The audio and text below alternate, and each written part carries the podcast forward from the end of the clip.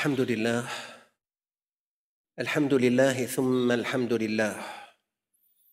الحمد لله نحمده ونستعين به ونستهديه ونسترشده. ونعوذ بالله من شرور أنفسنا وسيئات أعمالنا. من يهد الله فهو المهتد ومن يضلل فلن تجد له وليا مرشدا. وأشهد أن لا إله إلا الله وحده لا شريك له وأشهد أن سيدنا محمدا عبده ورسوله. اللهم صل على سيدنا محمد وعلى آله وصحبه وسلم. أما بعد فيا عباد الله أوصيكم ونفسي بتقوى الله تعالى.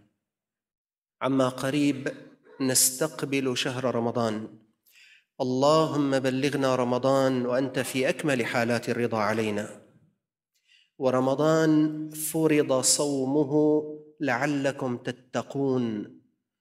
كتب عليكم الصيام كما كتب على الذين من قبلكم لعلكم تتقون. وفي كل خطبة جمعة يوصي الخطيب نفسه والسامعين بتقوى الله.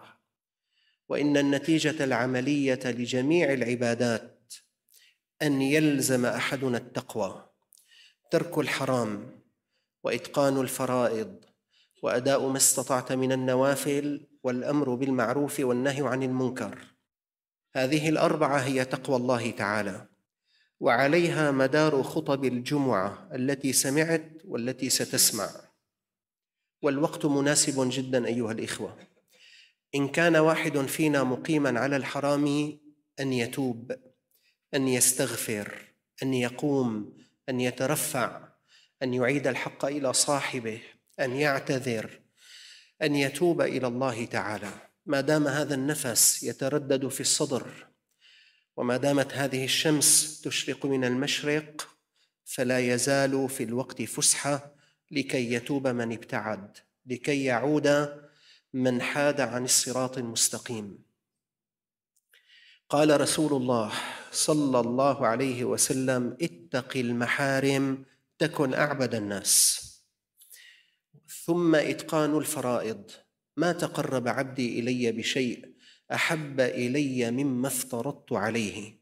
فإن كنت متقنا لفرائضك فاحمد الله واثبت. وإن كنت على غير هذا الحال فالوقت مناسب أن تعود. الوقت مناسب أن تستدرك ما فات. من قبل أن يفجأنا الموت فنحاسب على فرائض الله تعالى. ثم أدي من النوافل ما استطعت تكون من أهل التقوى وحدك. لكن الإسلام يحب أن يشيع الخير في هذه الأرض. يحب أن ينتشر المعروف بين الناس فأمرنا بالأمر بالمعروف والنهي عن المنكر. إنه من يعمل مثقال ذرة خيرا يره ومن يعمل مثقال ذرة شرا يره. ثم أستفتح بالذي هو خير. يقول الله تبارك وتعالى في محكم التنزيل فأما اليتيم فلا تقهر وأما السائل فلا تنهر وأما بنعمة ربك فحدث. قال المفسرون تشير الآيات إلى أن جبر الخواطر واستئلاف الخلق من أعظم المقاصد في تمام الدين. فأما اليتيم فلا تقهر وأما السائل فلا تنهر. وأما بنعمة ربك فحدث. تشير الآيات إلى أن جبر الخواطر واستئلاف الخلق من أعظم المقاصد في تمام الدين. قال الله تعالى في جبر الخواطر المنكسرة وللمطلقات متاع بالمعروف حقا على المتقين. فمن كسر خاطرها بالطلاق استحب أن تجبر بنفقة زائدة على حقوقها. عنوان خطبة اليوم جبر الخواطر في رمضان. أيها الإخوة جبر الخاطر مصطلح يعني العطف على المحتاج والعون للمصاب والسعي لإدخال السرور على قلبيهما. وجبر خاطره إذا سلاه وعزاه وفرج الغم عنه. وجبر خاطره إذا طيب قلبه وتدارك ما فات من أمره. ومنه قولهم على الله جبر الخواطر. الحزين محتاج إلى من يجبر خاطره بكلمة حانية. والفقير محتاج إلى من يجبر خاطره بنفقة كافية. والمريض محتاج إلى من يجبر خاطره بدعاء العافية. والمظلوم محتاج إلى من يجبر خاطره بشفاعة وافية. عندما يقضى الدين عن المدين ينجبر خاطره. وعندما تصل المسافر رسالة أو مهاتفة ينجبر خاطره. وعندما تفتح للمهموم باب الأمل وتؤمله بالفرج ينجبر خاطره. وعندما تعين أرملة أو مسكينا أو يتيما تنجبر خواطرهم. وقد جرت عادة هذه الأمة أن تتقرب إلى الله تعالى بجبر الخواطر في الأوقات عامة وفي رمضان خاصة. وعلمت الأمة أن من سار بين الناس جابرا للخواطر أدركه الله في جوف المخاطر. من سار بين الناس جابرا للخواطر أدركه الله في جوف المخاطر. وعلمت أن من فرج عن أخيه كربة فرج الله عنه كربة من كرب يوم القيامة. فالجزاء من جنس العمل. وصفت السيدة خديجة رضي الله تعالى عنها وعن أمهات المؤمنين جميعا وصفت رسول الله صلى الله عليه وسلم في حديث بدء الوحي بأنه كان معروفا بخصال تجبر الخواطر. ففي البخاري قالت عائشة رضي الله تعالى عنها فدخل على خديجة بنت خويلد رضي الله تعالى عنها فقال زملوني زملوني فزملوه. حتى ذهب عنه الروع. فقال لخديجة وأخبرها الخبر لقد خشيت على نفسي. قالت السيدة خديجة كلا والله ما يخزيك الله ابدا. إنك لتصل الرحم وتحمل الكل يعني الضعيف وتكسب المعدوم وتقري الضيف وتعين على نوائب الحق. ومن كانت هذه صفته من كان يجبر خواطر الناس بهذه الفعال الله عز وجل لا يخزيه ابدا. قالت له كلا والله ما يخزيك الله ابدا؟ إنك لتصل الرحم وتحمل الكل وتكسب المعدوم وتقري الضيف وتعين على نوائب الدهر. ووصفت كتب التراجم رجالات هذه الأمة بجبر الخواطر. ففي طبقات ابن سعد كان للصحابي أبي برزة الأسلمي رضي الله تعالى عنه جفنة من ثريد غدوة وجفنة عشية. الجفنة هي الوعاء الكبير والثريد هو اللحم مع المرق مع الخبز في داخله. كانت له جفنة غدوة وجفنة عشية. يطعم منها الأرامل والأيتام والمساكين. وفي سير أعلام النبلاء كان المنصور صاحب المغرب يجمع الأيتام فيأمر للصبي بدينار وثوب ورغيف ورمانة وكان يعود المرضى يوم الجمعة. وفيه أيضا القاضي محمد بن علي المروزي لقب بالقاضي الخياط لأنه كان يخيط بالليل للأيتام والمساكين حسبة لله تعالى ويعدها صدقة. هو إمام وهو حافظ وهو قاض ومع هذا في الليل قال يخيط للأيتام والمساكين. وفي تاريخ بغداد قال أحمد بن عبد الحميد الحارثي ما رأيت أحسن خلقا من الحسن بن زياد ولا أقرب ماخذا ولا أسهل جانبا. كان يكسو مماليكه كما يكسو نفسه. وفي سير أعلام النبلاء أراد حسان بن سعيد المخزومي أن يبني جامعا وكان تاجرا عظيم التجارة. فأتته امرأة بثوب قديم لتبيعه. وتنفق ثمنه في بناء ذلك الجامع. هو تاجر غني كبير لوحده يقوم بالمسجد. يبدو بأن امرأة ضعيفة مرت فشاهدت مسجدا يبنى أرادت أن تشارك.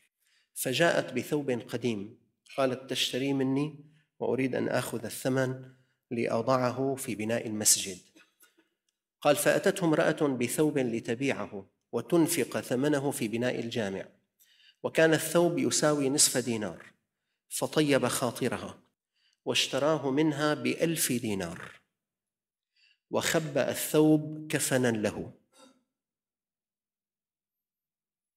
وفي مراقي الجنان كان أبان بن أبي عياش يدعو إخوانه فيصنع لهم الطعام ويجيزهم بالدراهم. بس تخلص العزيمة كمان كل واحد هو وطالع. يأخذ شيئا من المال. وكان حماد ابن أبي سليمان يفطر كل ليلة في شهر رمضان مئة إنسان. فإذا كان ليلة الفطر كساهم ثوبا ثوبا وأعطاهم مئة مئة. ومن لطيف ما ذكروا في جبر الخواطر. ما ذكره ابن الجوزي في صفة الصفوة عن عبد الله بن المبارك قال كان عبد الله بن المبارك ينزل الرقة في خان. الخان هو الفندق. فكان شاب يختلف إليه ويقوم بخدمته وحوائجه ويسمع منه الحديث. عبد الله بن المبارك عالم تاجر مجاهد في سبيل الله كثير السفر والترحال. فكان في تجارته أو في جهاده يمر مرارا من الرقة. ينزل في خان يوجد شاب من أبناء الرقة كان يخدم هذا العالم الجليل ويقوم بحوائجه ويسمع منه الحديث. قال فقدم عبد الله الرقة مرة فلم ير ذلك الشاب. فسأل عنه فقالوا إنه محبوس لدين ركبه. فقال عبد الله كم مبلغ دينه؟ قالوا عشرة آلاف درهم. فلم يزل يستقصي حتى دل على صاحب المال. فدعا به ليلا ووزن له عشرة آلاف درهم. وحلفه أن لا يخبر احدا ما دام عبد الله حيا. وقال له إذا أصبحت فأخرج الرجل من الحبس. وسافر عبد الله ليلا وأخرج الفتى. وقيل له عبد الله بن المبارك كان هنا وكان يذكرك. وقد خرج. قال فخرج الشاب في أثره فلحقه على مرحلتين أو ثلاث. فقال له يا فتى أين كنت؟ عبد الله بن المبارك عمل حاله ما له عرفان. قال يا فتى أين كنت؟ لم أرك في الخان. قال نعم يا أبا عبد الرحمن كنت محبوسا بدين. قال وكيف كان سبب خلاصك؟ قال جاء رجل لا أعرفه وقضى ديني ولم أعلم به حتى خرجت من الحبس. فقال له يا عبد الله احمد الله على ما وفق لك من قضاء دينك. فلم يخبر ذلك الرجل أحدا إلا بعد موت عبد الله بن دينار. أيها الإخوة ونحن نستعد لاستقبال شهر رمضان بتوبة صادقة وإعادة الحقوق إلى أصحابها وصدق الهمة في الإقبال على الله تعالى حري بالقادرين أن يعدوا العدة لجبر خواطر المنكسرين. وحري بالقادرين أن يطيبوا نفوس الفاقدين. وأن يخففوا عن عباد الله المحتاجين. الغني الدافع للزكاة والصدقات يجبر خواطر الفقراء والمساكين. والبائع المرخص للأسعار قدر إمكانه يجبر خاطر ضعفاء المشترين. والطبيب الذي يعين مريضا في ثمن دوائه وعلاجه يجبر خاطر المرضى والمتألمين. والحرفي الذي يتساهل في بدل أتعابه. يجبر خاطر الفاقدين. وصاحب العمل الذي يقدم منحا لموظفيه. يجبر خاطر العاملين. والموظف الذي يسهل على الناس. يجبر خاطر المراجعين. وما أجمل أن تجبر خاطر بائع متجول. يفترش الرصيف. أو يسير على قدميه حاملا بضاعته. فتشتري منه ولا تساومه كثيرا. وما أجمل أن تقبل اعتذار المخطئ خصوصا عندما تعلم أن خطأه لم يكن متعمدا فالصفح والمسامحة تجبر الخاطر. وما أجمل أن تدخل على والديك بخبر يحبونه أو طعام يريدونه فتجبر خاطرهم وتدخل السرور عليهم. الزوج الذي يخفف عن زوجه وأولاده والزوجة التي تحافظ على مال زوجها والابن الذي لا يرهق والديه بطلباته والبنت التي لا تكلف الخاطب ما يشق عليه. كل هؤلاء يجبرون خواطر الخلق وهم ينتظرون من الله تعالى أن يجبر خاطرهم. وما عبد الله بأفضل من جبر الخواطر ومراعاة المشاعر ومواساة المنكسر الحائر. وحسب المسلم أيها الإخوة أن يتذكر أن الجبار اسم من أسماء الله تعالى. وقد قالوا في واحد من معاني اسم الله تعالى الجبار أنه الذي يجبر الخواطر المنكسرة ويجبر العظام المنكسرة. وقالوا في معنى اسم الله تعالى الجبار أنه الذي يجبر الفقر بالغنى والمرض بالصحة والخيبة والفشل بالتوفيق والأمل والخوف والحزن بالأمن والاطمئنان. فهو سبحانه جبار متصف بكثرة جبره حوائج الخلق. وطلب الجبر كان دعاء سيدنا محمد صلى الله عليه وسلم في كل يوم وفي كل صلاة. فقد أخرج الإمام الترمذي عن ابن عباس رضي الله تعالى عنهما أن النبي صلى الله عليه وسلم كان يقول في الجلوس بين السجدتين اللهم اغفر لي وارحمني واجبرني واهدني وارزقني. كان رسول الله صلى الله عليه وسلم يقول في الجلوس بين السجدتين اللهم اغفر لي وارحمني واجبرني واهدني وارزقني. وبجبر الخاطر أمرنا القرآن الكريم فأما اليتيم فلا تقهر وأما السائل فلا تنهر. قال العلماء كما كنت يتيما يا محمد صلى الله عليه وسلم فآواك الله فلا تقهر اليتيم ولا تذله بل طيب خاطره وأحسن إليه وتلطف به واصنع به كما تحب أن يصنع بولدك من بعدك. فنهى الله عن نهر السائل وتقريعه وأمر بالتلطف معه وتطيب خاطره. حتى لا يذوق ذل النهر مع ذل السؤال. يقول الإمام سفيان الثوري ما رأيت عبادة يتقرب بها العبد إلى ربه مثل جبر الخاطر. ما رأيت عبادة يتقرب بها العبد إلى ربه مثل جبر الخاطر. أيها الإخوة رمضان شهر الصوم وشهر البر وشهر الاجتهاد وشهر التعاون. فطيبوا به نفسا وأرضوا به ربا. أخرج الإمام النسائي وأحمد عن أبي هريرة رضي الله تعالى عنه قال قال رسول الله صلى الله عليه وسلم وهو يبشر أصحابه.